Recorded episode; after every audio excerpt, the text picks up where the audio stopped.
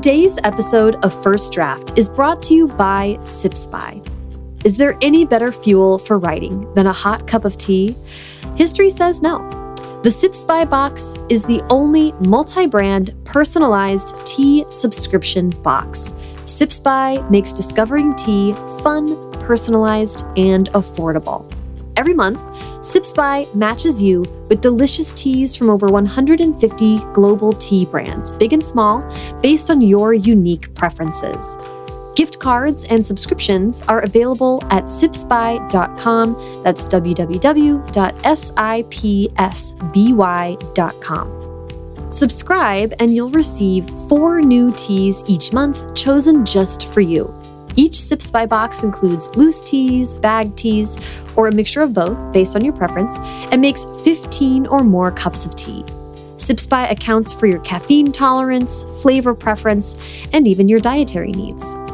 As I've established, I am new to the world of tea, so Sips By was just this perfect solution for me. You know, I've walked into tea shops before and just been like completely overwhelmed by all of the options. But logging on to sipsby.com, filling out their short questionnaire, and then a box arrived on my porch, and let's see what they got for me. All right, this month's box of Sips By has a bunch of different options for me, and I know that because the box also came with a really handy cheat sheet that lets me know what the four kinds are in here and also how they should be prepared. Because, like I said, I don't know what I'm doing. So, Sips By was extremely helpful in making this as easy as possible. And since I'm doing a little bit of a, a detox, let us say, recovery from enjoying Thanksgiving weekend, I'm going to go with the Green Rainbow Low Caffeine Green Tea. Sips By lets me know how to prepare it and also how to re-steep, which is awesome. And if I like it, I can buy more of this tea with a discount because I found it through Sips By. So it's been a completely lovely way to kind of dip a toe into the world of tea and enjoy it and really have some lovely low caffeine afternoons. Follow Sips By, that's at S I P S B Y, on Instagram for weekly giveaways and more. And for podcast listeners, use the code FIRSTDRAFT for 50% off your first Sips By box at sipsby.com. That's code FIRSTDRAFT for 50% off your first box of tea at sipsby.com. Today's episode is brought to you by the Remember Reading podcast. Do you remember reading Charlotte's Web or The Chronicles of Narnia, Amelia Bedelia, or The Bridge to Terabithia? Discover the tales behind these beloved classics on the Remember Reading podcast. In each episode of Remember Reading, you'll hear from award winning authors like Meg Cabot, Katherine Paterson, Tiffany Jackson, and more as they uncover the unique story behind each story. You know, in almost every episode of First Draft, I ask people about how reading was a part of their young lives. And so many of the books that come up over and over again like The Secret Garden, Ramona Quimby, Ella Enchanted, are discussed in the Remember Reading podcast. I love hearing about how these books came to be, and especially more about the authors themselves. In a recent episode, Louis Sachar, author of Stories from Wayside School and Holes, um, Wayside School was one of my absolute favorites as a kid. Uh, he was actually on the podcast talking about how he related to misfits at school because when he was young, he moved from New York to California, and that was such an extreme culture shift that he really kind of put himself in the role of outsider and drew on that to write Wayside School. I love details like that. It's inspiring to, as an adult, revisit these classics, and as an author now, to appreciate, um, you know, the the the brilliant, flawed, wonderful people who created them. Take a trip down memory lane and rediscover the magic behind your favorite childhood books at rememberreading.com or wherever you listen to podcasts.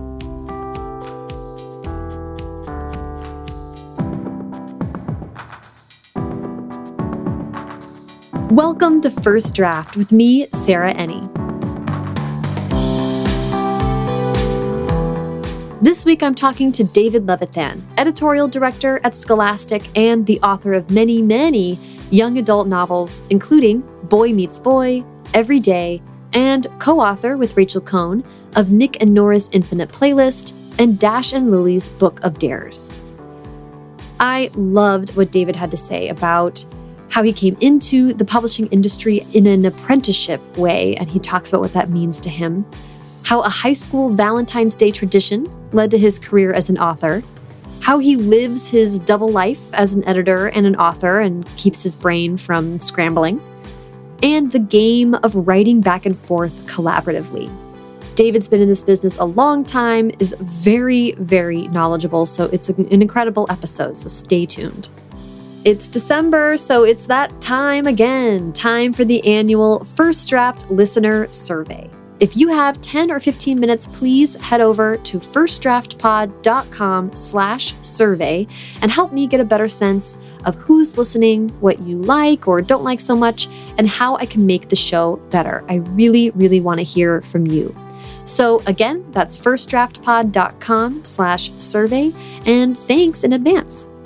The survey is one great way you can support First Draft, and another is by subscribing to the podcast wherever you're listening right now. If that happens to be on Spotify and you are one of the amazing people who's got First Draft as one of their top podcasts on the Spotify year end roundup, I've seen some people posting that and it just makes me inordinately happy. Uh, that's amazing. You can do that. You can also leave a rating or review on Apple Podcasts. And you can go to the website, firstdraftpod.com, to check out the show notes for this episode and every episode.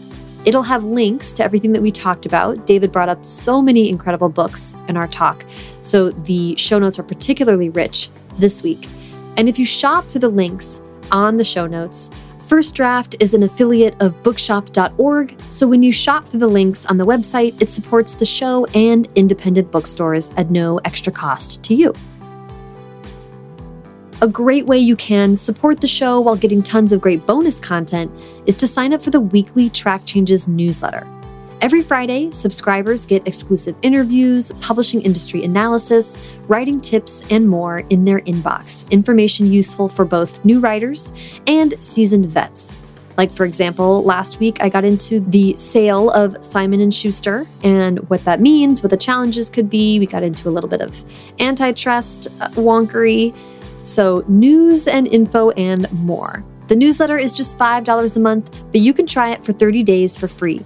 Learn more and sign up for the free trial at firstdraftpod.com slash track changes. And hey, if you want to skip all the hullabaloo and just donate directly to First Draft, you can do that too at paypal.me slash firstdraftpod. Last but not least, this Friday, December 4th, that's tomorrow if you're listening to this the day it comes out, Catch me and a slew of incredible writers at the virtual Cleveland Reads Book Festival. Programming is going on all day, including my panel at 1220 Eastern. And among the many authors that will be at this event are Dr. Ibram X. Kendi, Ibi Zoboi, Dr. Yusef Salaam, Kim Johnson, Jasmine Warga, Randy Ribay, Justin Reynolds, and many, many more. That's December 4th, the Cleveland Reads Book Festival. Okay, now, finally, Please sit back, relax, and enjoy my conversation with David Levithan. Okay, hi David, how are you? Good. How are you doing? I'm doing so well. I'm so excited to finally sit down with I you. know it's about time. Yes, yes. Uh, I had to build up to it. It was a, it's a very intimidating interview. I'm excited. So, uh, as you know, I'm going to start with uh, very beginning. Where were you born and raised? Born and raised in Short Hills, New Jersey, where where still um, my, my mom still lives there and still go all the time. So haven't haven't really journeyed very far. how far from the city is that? It's about a half hour away. Okay. So basically in the shadow of the city. The whole, uh, how was reading and writing a part of growing up for you? I mean, it was just something I always loved to do. My parents really encouraged reading and very quickly in school, it proved to be the thing that I was best at and, and loved the most. So there were always books all the time definitely the competitive streak of like the like the readathons and everything. Like I'd just try to rack them up. I became a big, big fan of short books very quickly. um, yeah, and so it was just always a part um, of of my childhood, and obviously pursued it from there. Yeah. Were um, were you always also expressing yourself that way and actually creatively writing on your own as well? Yeah, I can. I can. I still have some of the stories from third grade. I would say I knew that I'd be, became writer. I knew I was a writer in third grade because if you look at all my early stories, they're chase scenes, which really you don't there's no through line between that and the books that I write now as an adult. and I'm not known for my chase scenes, but third grade, I was really into them. And, and at one point, one of the characters scampered through a hotel lobby as part of the chase. And I remember being so proud of that word. And my teacher circled it and was like, nice word. And the fact that I was very proud of word choice, I was like, all right, looking back now, that that that shows that I was on the path that I, I stayed on. Yes. And I read an interview with you where you talked about an influential teacher you had um, named Mr. Gordon. Oh, yes. Who encouraged, I think um, from what I read, he encouraged you to write prose. Yes, I mean he he was uh, negatively influential insofar as um, he. I submitted poems to Literary Magazine. He was a Literary Magazine advisor, and he said, "David, your prose is wonderful. Don't ever write a poem again." and then he pushed it too far, and I submitted a story, and he said, "Your nonfiction writing is amazing. Maybe you should focus on that." This was in tenth grade, mm. and so I, I it was like, okay, maybe my 10th grade poetry was not up to snuff, but I, I, I did stay with fiction despite that. And, and I very much, as I went to college and decided to, to pursue writing, there was an FU Mr. Gordon part to it where I was like, I'm going to show him. Yeah. I'm going to write a novel someday. And so, yes, so he motivated me by encouraging my writing, but also by telling me what not to do, which yeah. is always the best way of getting me to do something. Spite is a very real motivator. It is totally. um, it comes up on the show quite often. Yes, I'm I sure. a lot of us are like really committed. I want to ask about college, and I know around that time is when you got for your first internship at Scholastic. Were you? I think yes. I don't want to tell you yeah. your life. Um, what did you decide to study at school? Um, so I was studying English and poli sci um, but then the summer between my sophomore and junior year of school, I was like, I was going to be home again, mm-hmm. half hour away. I was like, oh, I want to look into publishing. And we had a family friend who gave me all these connections that didn't actually pan out. And then I went to this, uh, the Brown Career Library, mm-hmm. um, which had binders and binders and binders of listing for summer jobs. Almost all of them were in finance or government or anything. And there was one listing for publishing, and that was Scholastic. Wow. So I just blindly applied. I had no connections or anything and got a summer internship and then was very lucky because again I lived nearby. I during my spring break just contacted HR and said I'd love to come in and hear more about the internship, which nowadays I'm like what was I doing? What I, I don't know, maybe I wanted an excuse to come in the city. and so they sat me down and told me, "Oh, we're it's so exciting. We have we have um, assigned you to Super Science Red magazine." Mm. And the look on my face must have been priceless. And I very politely pointed out that one of the reasons I had chosen the college that I'd chosen was so that I wouldn't have to take science classes. And that even though it was a fifth grade level science magazine, that might be beyond my science skills. and I guess I was charming enough that she was like, okay, maybe we'll switch you to the book editorial. And that's exactly what happened. And then luckily for me, two weeks before I was arrived as a summer intern, one of the editorial assistants left. And so Bethany Buck, who was the editor of the Babysitters Club, needed somebody, just a live body in the chair to help out. And I I was that live body. So so she was one of the people I interned for and that just led to my whole career. Yeah, that's amazing. I want to ask about about that early experience at Scholastic and and to speak about kind of Scholastic specifically because you you're kind of a company man, which is rare yes. in uh, in this in industry. Yes. What do you remember about like what you knew about publishing or what your impressions were and like what what was it that made you feel like, "Oh, I think this is a good place for me?"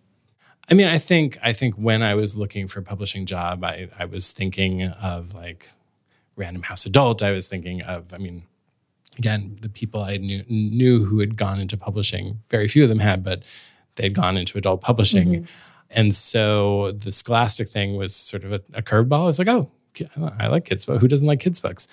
And then when I got here, I mean, it was it was such a small, tight organization, like that everybody was physically, it's not in, in the offices we're in now. It was a smaller office. We were literally on top of each other. I shared a cubicle with Bethany that was probably like four feet by four feet. I mean, it was in close quarters. but I joke that I, I had not known that my skill was going to be paid to think like a 13 year old girl, but sure enough, it ended up that that was that was my my editorial skill was not to be all highfalutin and have sort of patches on my elbows and a tweed jacket. It was it was to actually sort of think like a kid and think like a teen and try to try to find books that appealed to them and spoke to them. Yeah, I mean, what an asset for them. Also, you coming in so young, right. being like, you, you were recently a mm-hmm. child.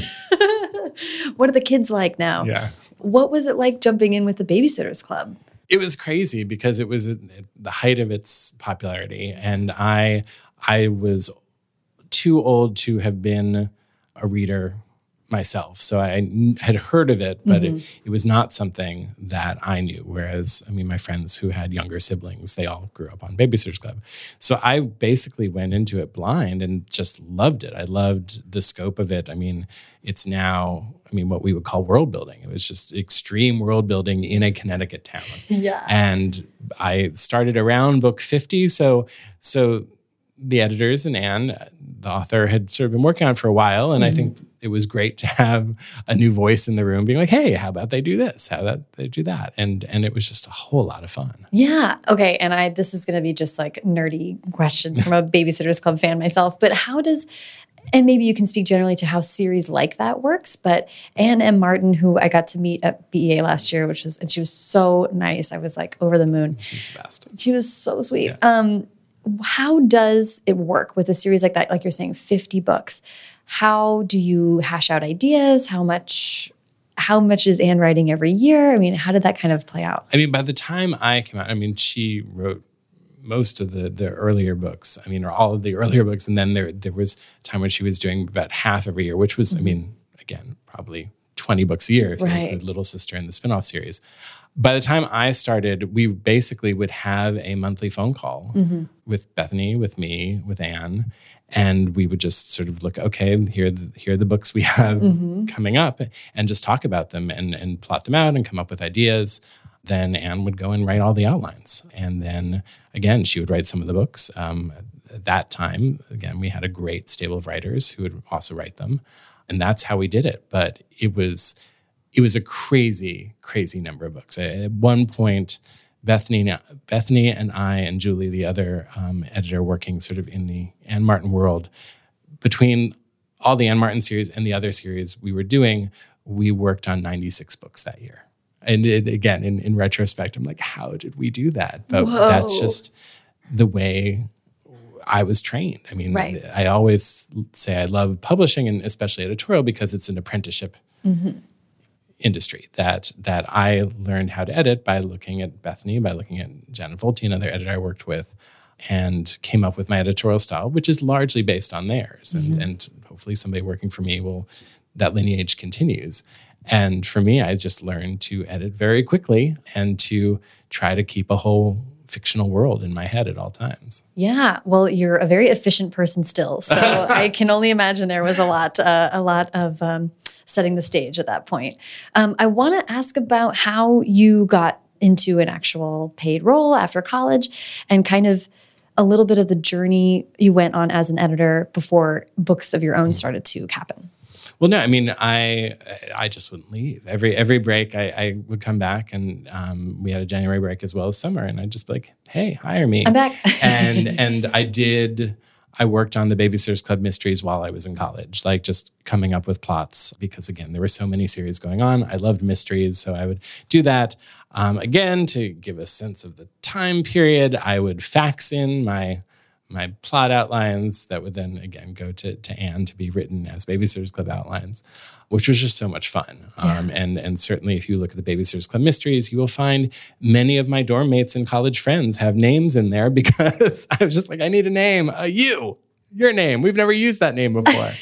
um, so it was great. And then when I graduated, they were nice enough to to give me a job. Um, yeah. So I had one week in London, and then I started here a week after I graduated college. That's amazing. Yeah, and then basically it was again it was the heyday of the paperback series era. So I was I was working on dozens of series um, within a very short time, and then my my career took its first swerve um, in that it ended up that I was the biggest Star Wars fan on staff at Scholastic, and so we we got the contract to do Star Wars books, and I ended up working on 121 Star Wars books. Sometimes at the same time as the Babysitters Club. It's two very different universes to work on, and and yeah, and I, I, really became sort of a classic at that time paperback editor. That that it really was coming up with ideas for series, finding authors to write series, helping authors come up with series, and then slowly but surely I started to work on sort of standalone novels as well and hardcovers as well because Scholastic was great in letting me do whatever wherever my heart went. And then around 2000 2001 um, we started talking about doing an imprint of all first time writers um, mm-hmm. to really reinvigorate our YA program. And that's where Push came from. And that, again, in retrospect, I, I look at it and I'm like, I, I, I'd been at Scholastic for like six or seven years. I was, I was in my late 20s and yet they listened to me when I was like I think we need to do an imprint. Here's here's why. And they did choose the most radical approach that I proposed which was just okay you say you're going to find all these first time authors go find first time authors. And that is exactly what we did. And so that launched in 2002 and wow. became a very big part of my career. So all of that was happening. And on the side, I was writing stories for my friends. I was really focused on being an editor. It was not, it was not that I was going home and writing every night at all. I did start to write like movie tie-ins and other things that used to be the apprenticeship for being a, a children's book writer that don't exist quite as much anymore. So I was doing all of that. And then my first book or first novel, Boy Meets Boy, started as a story I was writing for my friends for Valentine's Day. And I thought it was a short story, and it just got longer and longer and longer. So, yeah. okay. I have a lot of questions about Boy Meets okay. Boy, but I do want to just take a second to reflect on some of the. Uh, um, I'm so interested in, in what you said about publishing being an apprenticeship. And I know the role, yeah, the role of mentoring is really important.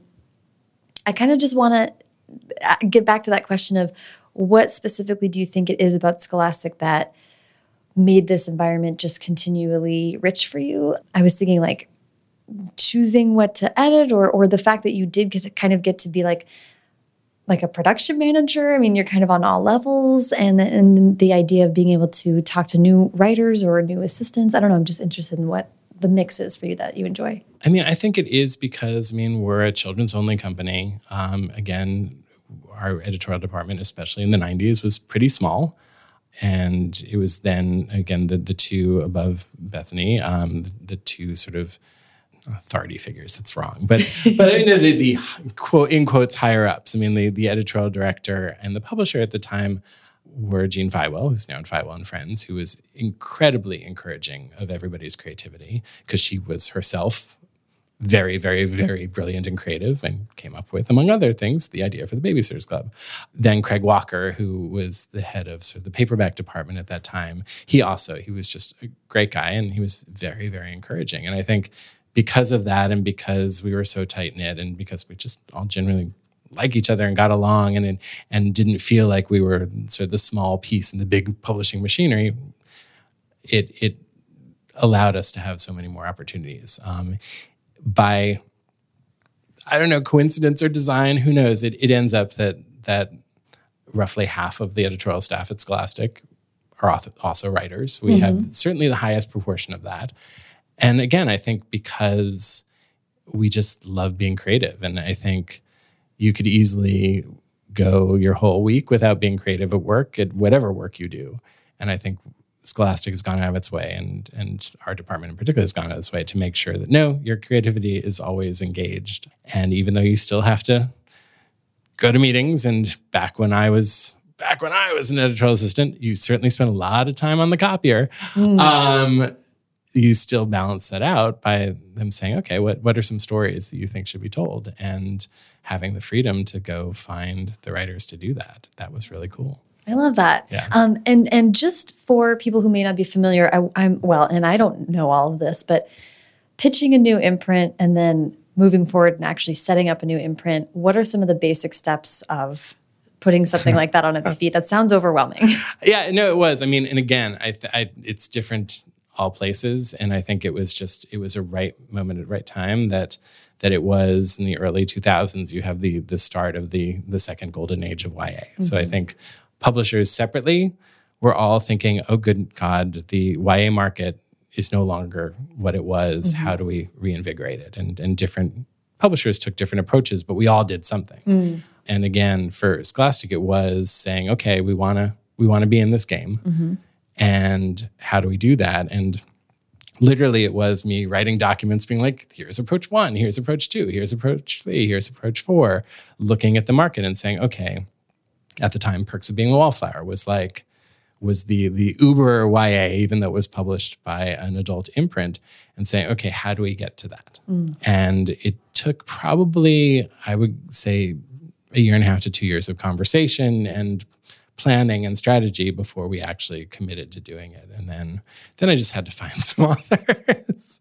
and I found them in the most random ways. But that that was the fun part was not sort of sending out a message or at that point calling agents and be like, who do you have? Like the whole point was to actually find people that were not connected in any way. And again, it's very important to note this was before social media. So it was just like asking around and seeing friends of friends who wanted to write books. And that's that's how I found a lot of the authors. That's so cool. Yeah. and neat. I want to ask about uh, because you're kind of touching on something that I've noticed throughout your career is not only that you are a writer and an editor, but you're also like a community builder. And that seems to be really important. I mean, not only in Scholastic, but in the broader world. Many, many people I've interviewed have talked about your like happy hour drinks, get, get togethers. You will get to it, but you have co written. And like you're saying, like reaching out and kind of creating a new network and finding new writers and giving them a platform.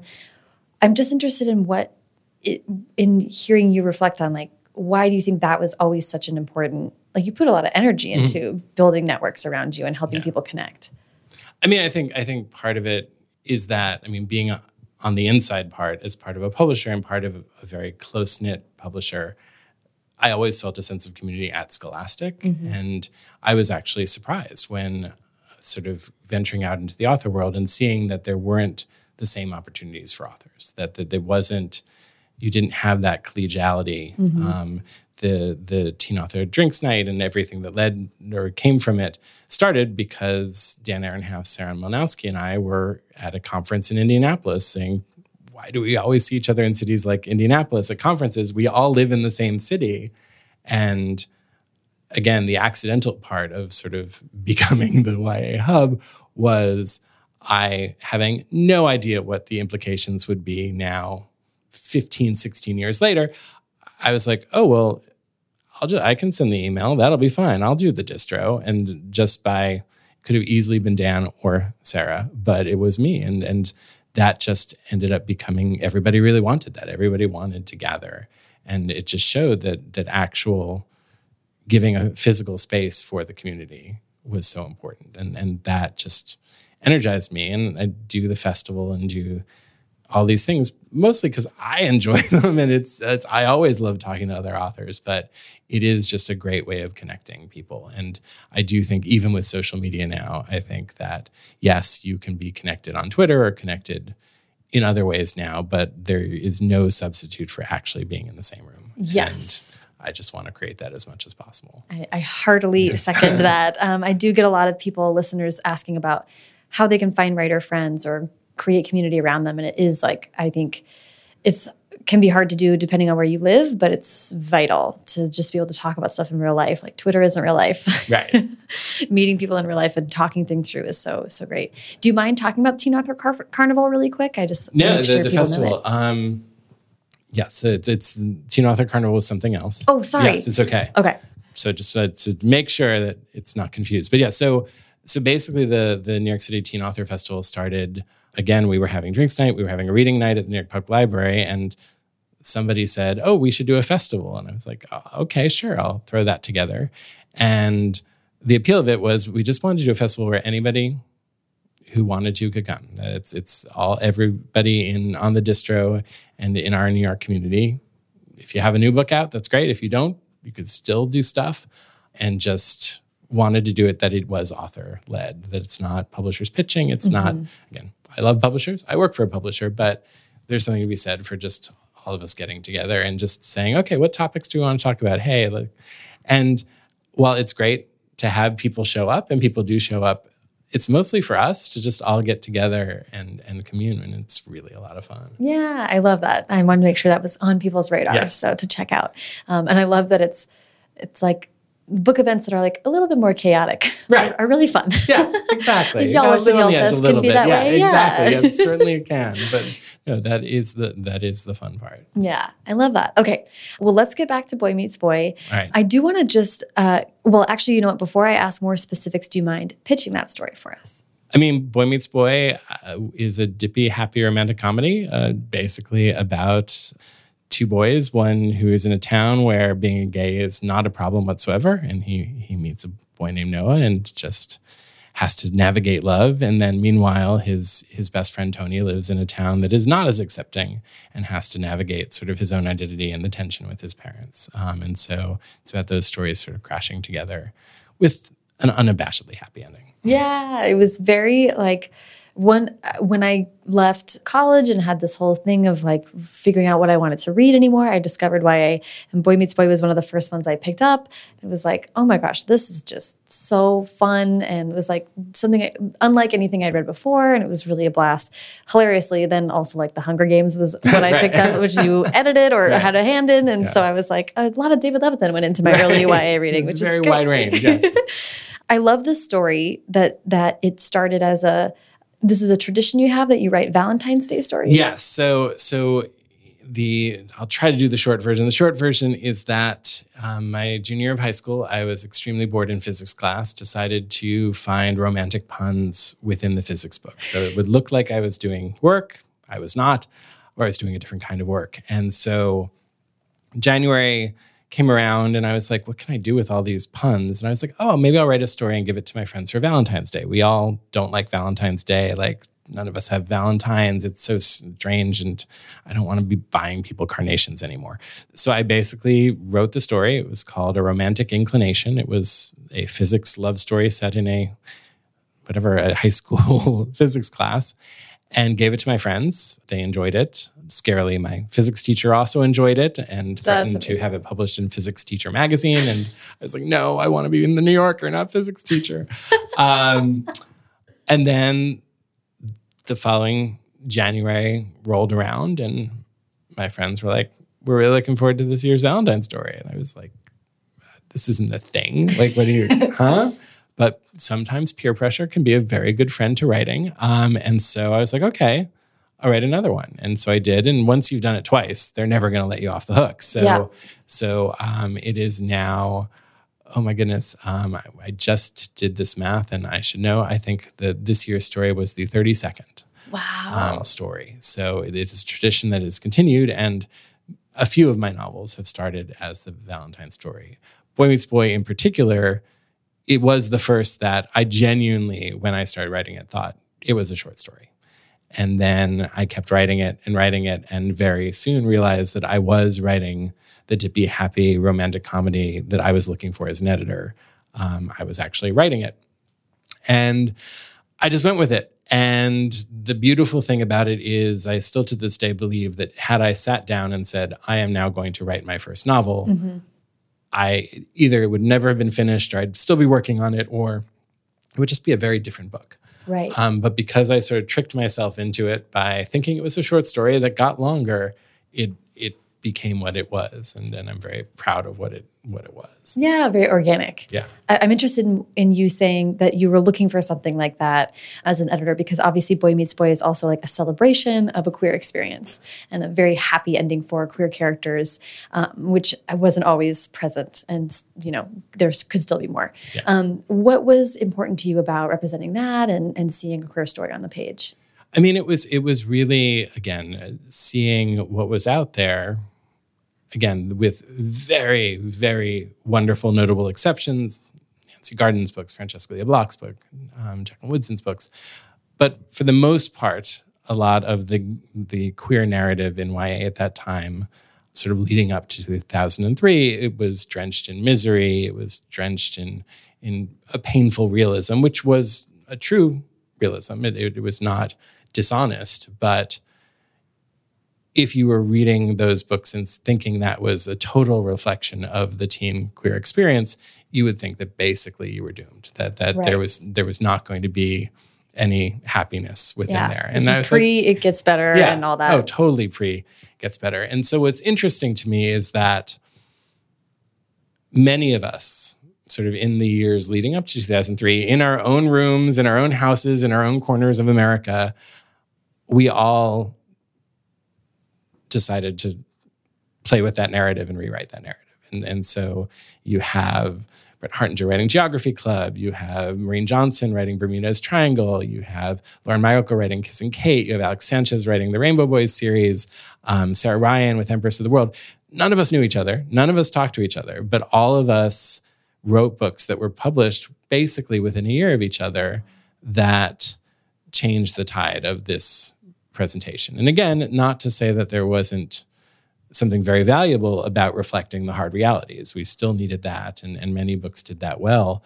But we also needed other voices and other plots. And and Boy Meets Boy was part of that.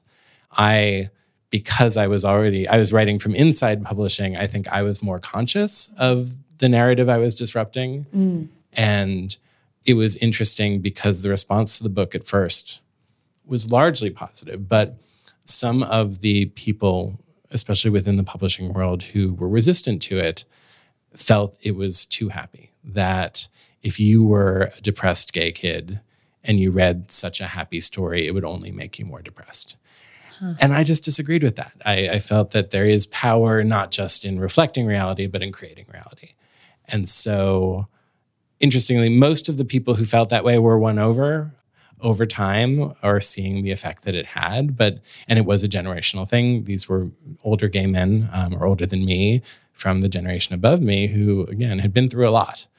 And so I think there was just a hesitation of like, oh, if we, if we show something too too bright and candy colored, if you are living a very gray or brown life, will that will that in some way just make it worse? And again, the answer is no, it does not make it worse. It gives you insight into what can be happening to the place that you ultimately get. Right, right. And now we have like drag queen middle grade and all of mean, it's like oh, we have come a long way in the past 17 years. That is for sure. um that is amazing. Um it was and also the cover, everything about it was just like, ah, I remember getting it from the library and being like, this is great. Okay, so then it's your first step into you're not just an editor, you're Right, the an author author side, of yes. your own. What was that like and what, if anything, surprised you about being on that side of it? I mean, I think I was very lucky because both Scholastic, where I worked, and Random House, where I published, they were very respectful of my double life um, and sort of what that meant I could and couldn't do. No, I mean, it was the the the part of going to the other side of it. There weren't as many surprises. I was lucky. Nancy Hinkle, who's been the editor for most of my books, her editorial style is very similar to mine, so it that was not jarring at all. It was I we got like along in sort of a mind meld way very quickly.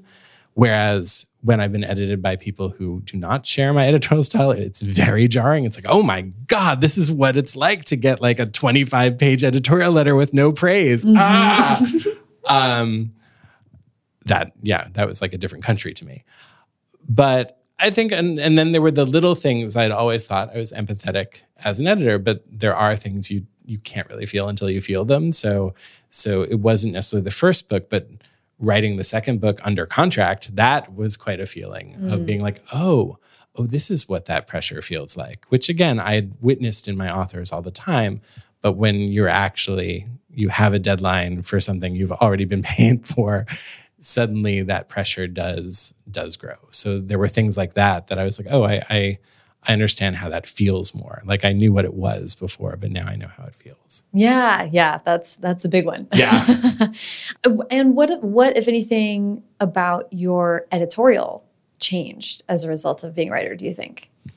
it's interesting. I don't know that anything did. Like I I actually am very glad that I had a good 10 years as an mm-hmm. editor before I started to write because the wall has to be so high between the two.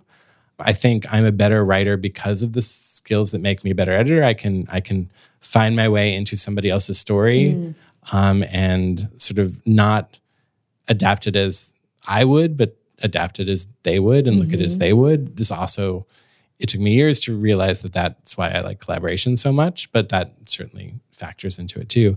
So I don't know that the editing changed very much. I think it, it very much, and if you look at what I edit, whether it is Suzanne Collins or Garth Nix, I mean, a lot of it has no bearing whatsoever on the things that I write. Right. Um, and when I'm an editor, I'm much more a reader than I am a writer. And so I think the reader part was already pretty defined. um, and again, I think the effects that the authorial part has, it is just more understanding the psychology of of the authors and what they're going through and understanding sort of okay this is why i need to check in. Okay this is why to use a gentle hand here this is why again the, the editorial letter should not be all criticism. It, it should involve praise as well. And that it is again i learned this from the very beginning that it's important to point out the things that are working as well as the things that aren't working but being on the other side of it just made me very happy that i was taught to do it that way Yeah, yeah. Well, the more we can say that, the better. Yeah. From the rooftops. Um, I've heard that, and let me know um, how you feel about answering this question or not, but that you don't have an agent. No, I do have an agent. Oh, you do? Okay. I did not have an agent for my first like five or six books. Okay. Um, obviously, you were in publishing, Right. so I can imagine that was. Uh, but w- then I'm interested in your thought process about when you were like, "Oh, I think I do need someone on this side." Yeah, no, I at first I was like, oh, I know a publishing contract, I can do that. Random Houses will get the sub rights, and again, they did right by me. I have no regrets about that. But it w- it was actually when Nick and Norah's Infinite Playlist was turned into a movie that suddenly I was like, oh, okay, because I was very lucky in that regard. I basically borrowed Rachel Cohn's movie agent, um, the amazing Alicia Gordon, um, who became one of my favorite people I've ever worked with, um, for that. But sort of seeing like, oh, okay, oh, this is what Rachel's agent does. Oh, this is what the movie agent does. Like that made me understand much more the role of the agents. And then basically at that time, William Morris said, if you want to continue using our movie agent, you really should have one of our litter agents. And it happened that I was very I was friendly with and went out to the theater with Bill Clegg, just purely just because he's a great guy. And basically, I proposed to him. I was like, "Hey, so would you want to be my agent?" Um, and he doesn't, for the most part, represent children's and YA, which I liked. I didn't want to have an agent that I was dealing with as an editor, Right. Because it's it's awkward, Right. um, and there are so many wonderful agents in the kids world, but it just made it the one again like one of the reasons I published at Random House, not Scholastic. I just wanted everything to be separate, Yeah. and I don't regret that decision at all. And Bill is still my agent, and I did see that things like sub rights and movie rights and all these other things that having somebody else do it is much more powerful. And and now it used to be people would be like, "Oh, do I need an agent?" And I'd be like, "Oh, maybe you just have a good lawyer." And now I'm like, "Yes, you absolutely need an agent. Everybody should have an agent that they trust um, and that knows their stuff." Um, Yeah. and I've been lucky that way. That's great. Yeah. Yeah. That's and it's it's interesting for you to have both perspectives. Yes. So let's talk about um, about a couple of the collaborative efforts that you did. I was thinking about touching on Nick and Norah and Will Grayson, Will Grayson, and then I definitely want to talk about Every Day. So you brought us to Nick and Norah already. Yes. So do you mind pitching that story really quick for us? I mean, it is it is two teens from New Jersey falling in and out of love about 47 different times over the course of a night in New York City. I love it. Yeah. And the movie is great too. It's so cute. Yeah.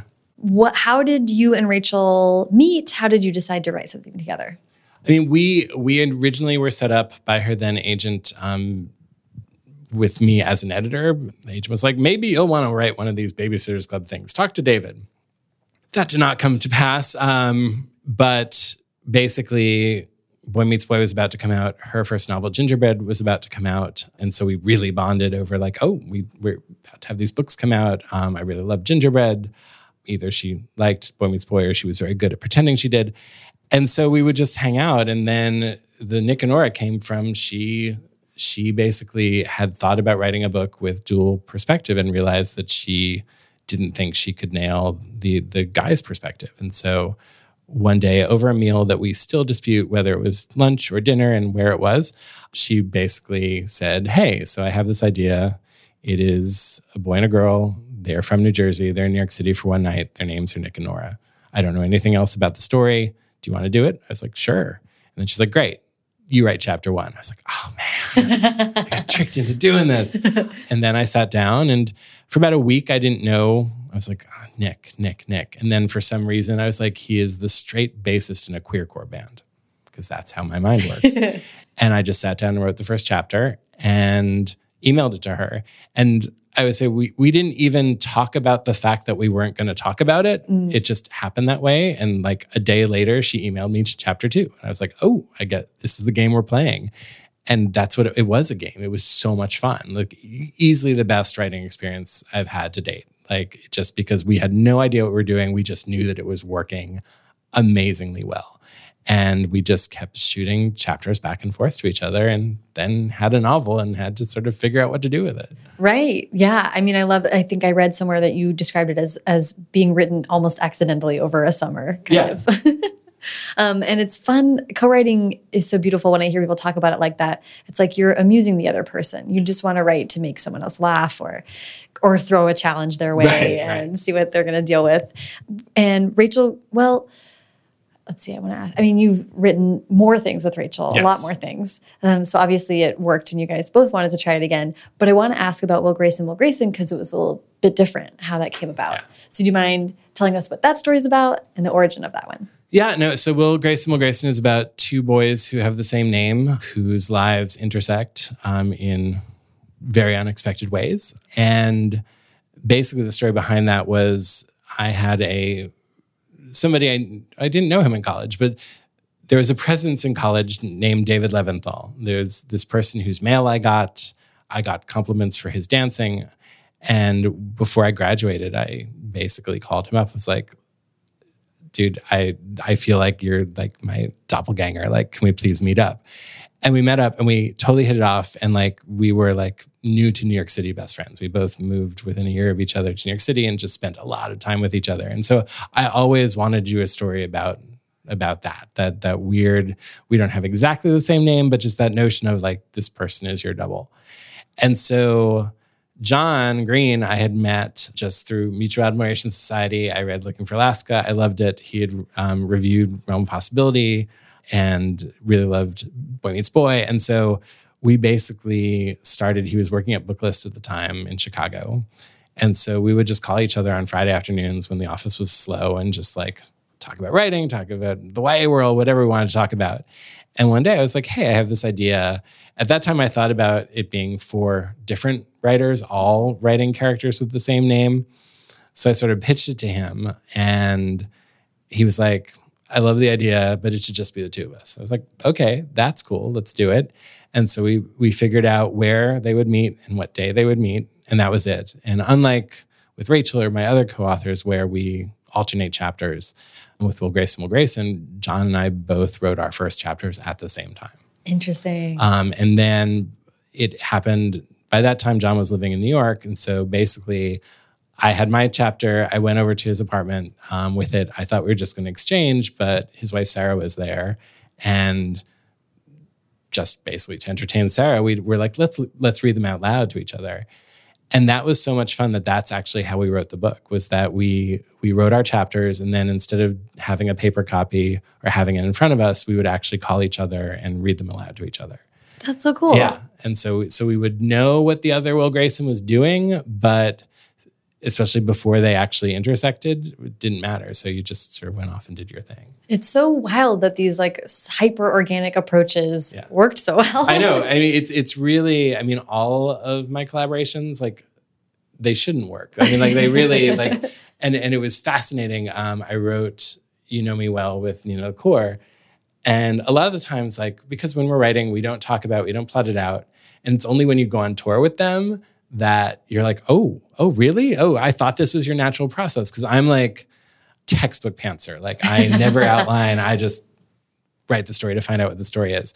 And it was on tour, and Nina was like, not only was she not that kind of pantser, but I learned that her previous novels, she hadn't written them sequentially, that she just doesn't write sequentially. Whoa, interesting. And so so of course I for I mean the by nature of the the collaboration she was forced for the first time to basically write a novel sequentially not without any way of like looking ahead because you can't. You it changes from chapter to chapter. That's so, so that was that was fascinating. But so again it shouldn't have worked but again if you are jazzed by the story you just you adapt your writing to to fit the story and to be inside the story Yeah, I love that. And now that I know that, I'll have to follow up with Nina and ask her about how how or if that changed how Mm-hmm. She does things. Right. Um, I want to ask about about Tiny Cooper, Yes. who, who is the character that you wrote in Will Grayson, Will Grayson. And I mean, I loved hearing that a dancer was in any way a real life inspiration Right. for to start this story. Uh, but Tiny Cooper is just a, a- like a really different representation of a queer character, very uh, ostentatious, very theater kid, um, and was like kind of the runaway star of that book. Right. in my, I'll No, just say, a- in you, my you're not alone in thinking that Uh, he did get his own book later as well. But I want to just hear about choosing to represent a character like that and what was it like to write someone so kind of larger than life? I mean, in all honesty, he first appears in John's chapter. It's it's John Tiny Cooper is entirely John's invention. So in John's first chapter, Will Grayson, his Will Grayson has this very flamboyant, very loud, very large best friend, Tiny Cooper. And so again, the minute that John read that chapter aloud, I was like, dog-eared that character. I was like, oh, I'm going to use this character. Like, I, I mean, he's stealing the show already, and eventually there will have to be some permeation. I will get to use some of his characters, and so interestingly, although again, I think we love our respective Will Grayson, Will Grace or Will Graysons a lot. I think it was Tiny who stole the book away from us too, and, Yeah. and we always say that he he is a really wonderful kid with two dads, um, and that we had a very great shared custody arrangement of him. and then he stole the book. So that was cool. And then Hold Me Closer, I later was like, because people kept asking, oh, the Tiny Cooper musical. And I was like, okay, maybe I'll just write this. And went to John, and John was like, sure, go ahead. That's great. um, and so so ran with it some more. I love that. It was, I mean, it was again just like a very joyous thing to read. It was like Yeah. so funny. Really, really loved it. L- let's talk about every day. Such an interesting, um, and you you do like to mess with format and Yes. try different kind of approaches. So, do you mind telling us what every day is about? And I'd love to hear where that you got inspired to do this kind of story. I mean, it, well, every day is about a person named A who, since birth, has woken up every day in a different body in a different life and has not really questioned that um, or just goes along with it and tries not to interfere with anybody else's life, either the one that they are in or the ones that they're interacting with. But then in the first chapter of the book, um, A meets um, a girl named Rhiannon and for many different reasons they click. And suddenly a is falling in love with for the first time and has to figure out how to navigate that while still changing bodies and lives every day. So honestly i wish i had a better origin story for it. I mean i was just walking to work one day and thought huh what would it be like to wake up every day in a different body? What i was thinking of my own body at the time to think this has been lost to history but I basically followed fi- or filed it away in sort of the the waiting room of ideas, and then one of the only times I've ever done this after I finished writing Lover's Dictionary, I was in Australia, which is just local color to the story. It's not really germane, but I didn't know what I was going to write next, and I basically sat down in a park for an hour with a notebook and just wrote down every single idea that I could find in that waiting room in my head just what had always been there. And th- there were plenty. And I wrote down, like, wakes up every day in a different body. And for whatever reason, when I wrote that down, I was like, oh, yeah, that's that's the one. That's interesting. And honestly, again, going back, I am a classic pantser. So I had a premise, and it wasn't really until I started writing it that I was like, oh, oh, so this this person has no gender, has no race, has no parents, has no like the implications of just being a self and mm. not having a physical manifestation, I honestly had not thought through. And writing the book is my act of of thinking it through and figuring out what would your life be like if you weren't defined by any outer characteristics and just by inner ones. And that was fascinating to me. Yeah, I mean, like such a fascinating and really rich and you know, no answers, right? Just Right. kind of Yeah, like no, this, like only uh, speculation. Yeah, this kind of philosophical, and and it was speculative fiction. Like, he's, I think you had a story where an author was like, "Congrats, you wrote." Yeah, no, Justine Larbalestier was like, "Hey, you're a speculative fiction writer." I'm like, "No, I, oh, I am." oh man, yeah, sneaks up on you. yeah, it does, it does. And part of the reason I really wanted to talk about every day is that it was obviously, I feel like looking at your history, it was obviously so impactful on you because you wrote two more in Yeah. that world. So, uh, what was it like? What was it that wasn't leaving you alone that led you to want to see where the story went next? I mean, for for another day, this the companion, which is from Rhiannon, the girlfriend's point of view, it was. I'd wanted to explore in every day what it was like to change every day, but also what it was like to be in love with somebody who changed every day. And while I think Rhiannon's point of view is conveyed in the first book, I felt it could be more conveyed if we saw it through her eyes. So it just that was the the reason I did that. And then I think I didn't necessarily want to go back to it, but over time and having conversations with people about the book and sort of thinking about other things you could explore through the conceit of changing bodies every day, that's really where someday came. Um, and I had planted in the first book the seed of a character that, if I ever wrote a sequel, would be sort of the the antagonist. And basically, at first, I was like, ah, people don't want to read that book. And then over time, I was like, oh, actually, no, that's that's actually a very interesting question. So if if the first book is about identity and the second book is about love, the third book becomes about power and choices. And that because A is a very moral person is is saying, I'm not going to mess up people's lives, I'm not going to take advantage of them. But what if you were somebody who was like, hey, I'm in this body, I can do whatever I want and get away with anything it's a totally different moral compass. And I wanted to sort of talk about that because we make those decisions every day, even if we have the same body. But once again, the speculative conceit was a good way of getting to the larger issues. Yeah. Uh, did you enjoy writing three, writing a trilogy? I did. I mean, I, again, basically because I tricked myself into writing a trilogy. Like I, I, I totally avoided the the trilogy pitfalls of oh my god, the second book, and then oh my god, I have to conclude it all in the third book. Like uh, trilogies have ruined the lives of many of my author friends, as you, you well know. So doing it the way I was doing it, sort of step by step with lots of other things in between, was the way to do it, and to sort of develop it further in my mind. Yeah, it feels like you were kind to yourself. Right, I know, right? By kind of backing into it. Yeah. Um, I want to talk about how you are so prolific. how do you balance writing as much as you do with editing as much as you do?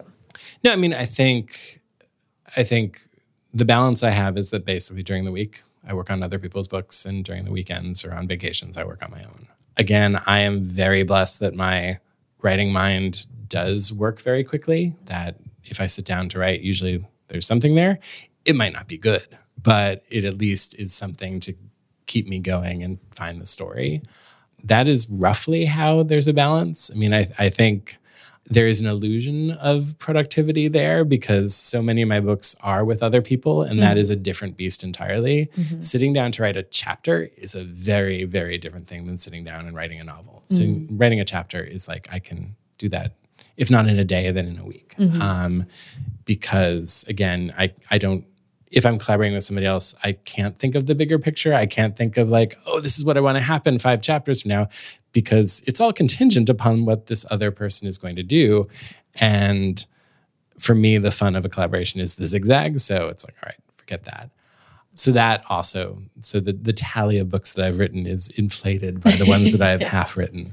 But mostly, I am lucky that I just love doing it. That I think having a day job helps mm-hmm. because I'm not relying on it to pay my bills mm-hmm. or to to sort of be my primary source of income. There is no penalty to my life if I take slower or go faster. So for me, just finding the story is sheer enjoyment, um, even when it is hard. I'm, this is not to be misconstrued as saying it's easy. It is not easy, but I am enjoying it even when it's hard because again, I, I just see how it all fits together.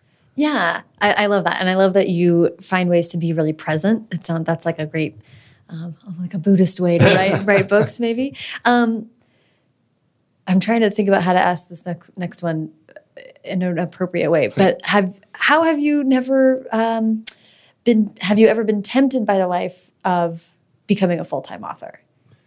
Um, no, I mean I really love my day job, and I don't. I don't think that I would necessarily write much more mm. if I was a full time writer. I would absolutely watch TV, which I don't do now. Um, and I'd absolutely, I mean, there are dozens of other things that I'm sure that I would do. But I always tell the story about an author friend of mine who I visited right after she had had her first kid. She said to me, and again, this, this is not apples to apples, these are two very different experiences. But the commonality was she said, Look, it's amazing to me. I went from having 14 hours a day to write to having two hours a day to write when I have my childcare. And I am writing so much more with those two hours than I ever did with the 14. And I think my mind is wired the same way. Mm-hmm. That like I the fact that I'm like Saturday and Sunday, you have to like write a few chapters. Like my writing mind will kick into gear and it will just do it. Mm-hmm. Whereas if I had unlimited time to do it, I think I would just be prone to much more distraction. Yeah, you are you're one of a chorus, I think, of people yeah. saying that those yeah. kind of limitations actually totally enhance the creative process, which is great to to hear. Um, I can't let you leave without asking about some superstars that you have worked with and edited. I mean, I guess I just want to give you a moment to to brag. what are some of the exciting books that you've been had a part in? I know about the Hunger Games, but I just this and you've also I guess the other reason I'm interested is because you have been on the editorial side of some really unique publishing, like stratospheric experiences, which is so cool.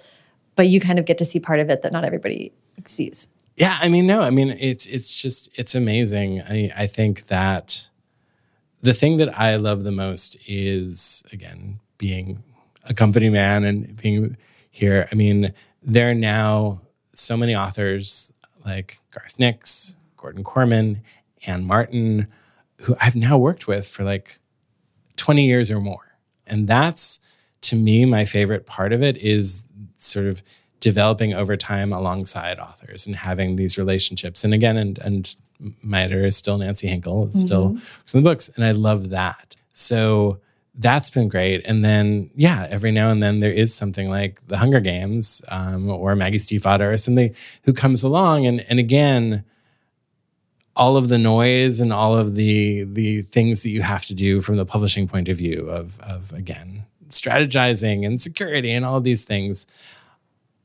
for me, at heart, though, they're just amazing writers. Like, again, Suzanne Collins, like, I can't express, like, seeing what she does on the page. I've read Hunger Games so many times now, and I still don't know how she does it. That that page turning, that complexity, that grabbing you mm-hmm. and pulling the floor out from you repeatedly. Yeah. You think, oh, okay, I'm, I'm going to be smarter this time. Oh, nope, there goes the floor.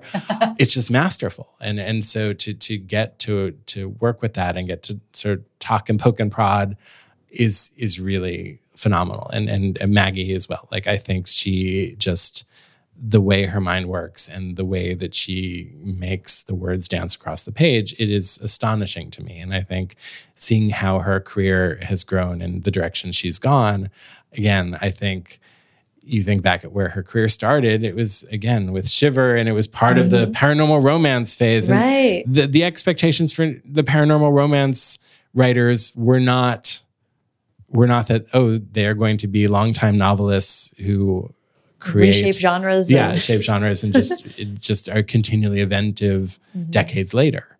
Um, it felt like a fad, but what really was amazing is that there were some of the writers in there, and Maggie's one of them, that there were just great writers. And the fact that they were writing about werewolves or vampires at the beginning doesn't really matter. Mm-hmm. Um, but she just, again, has charted such an amazing course that's very inspiring to me, just as an editor, as a person, as a writer.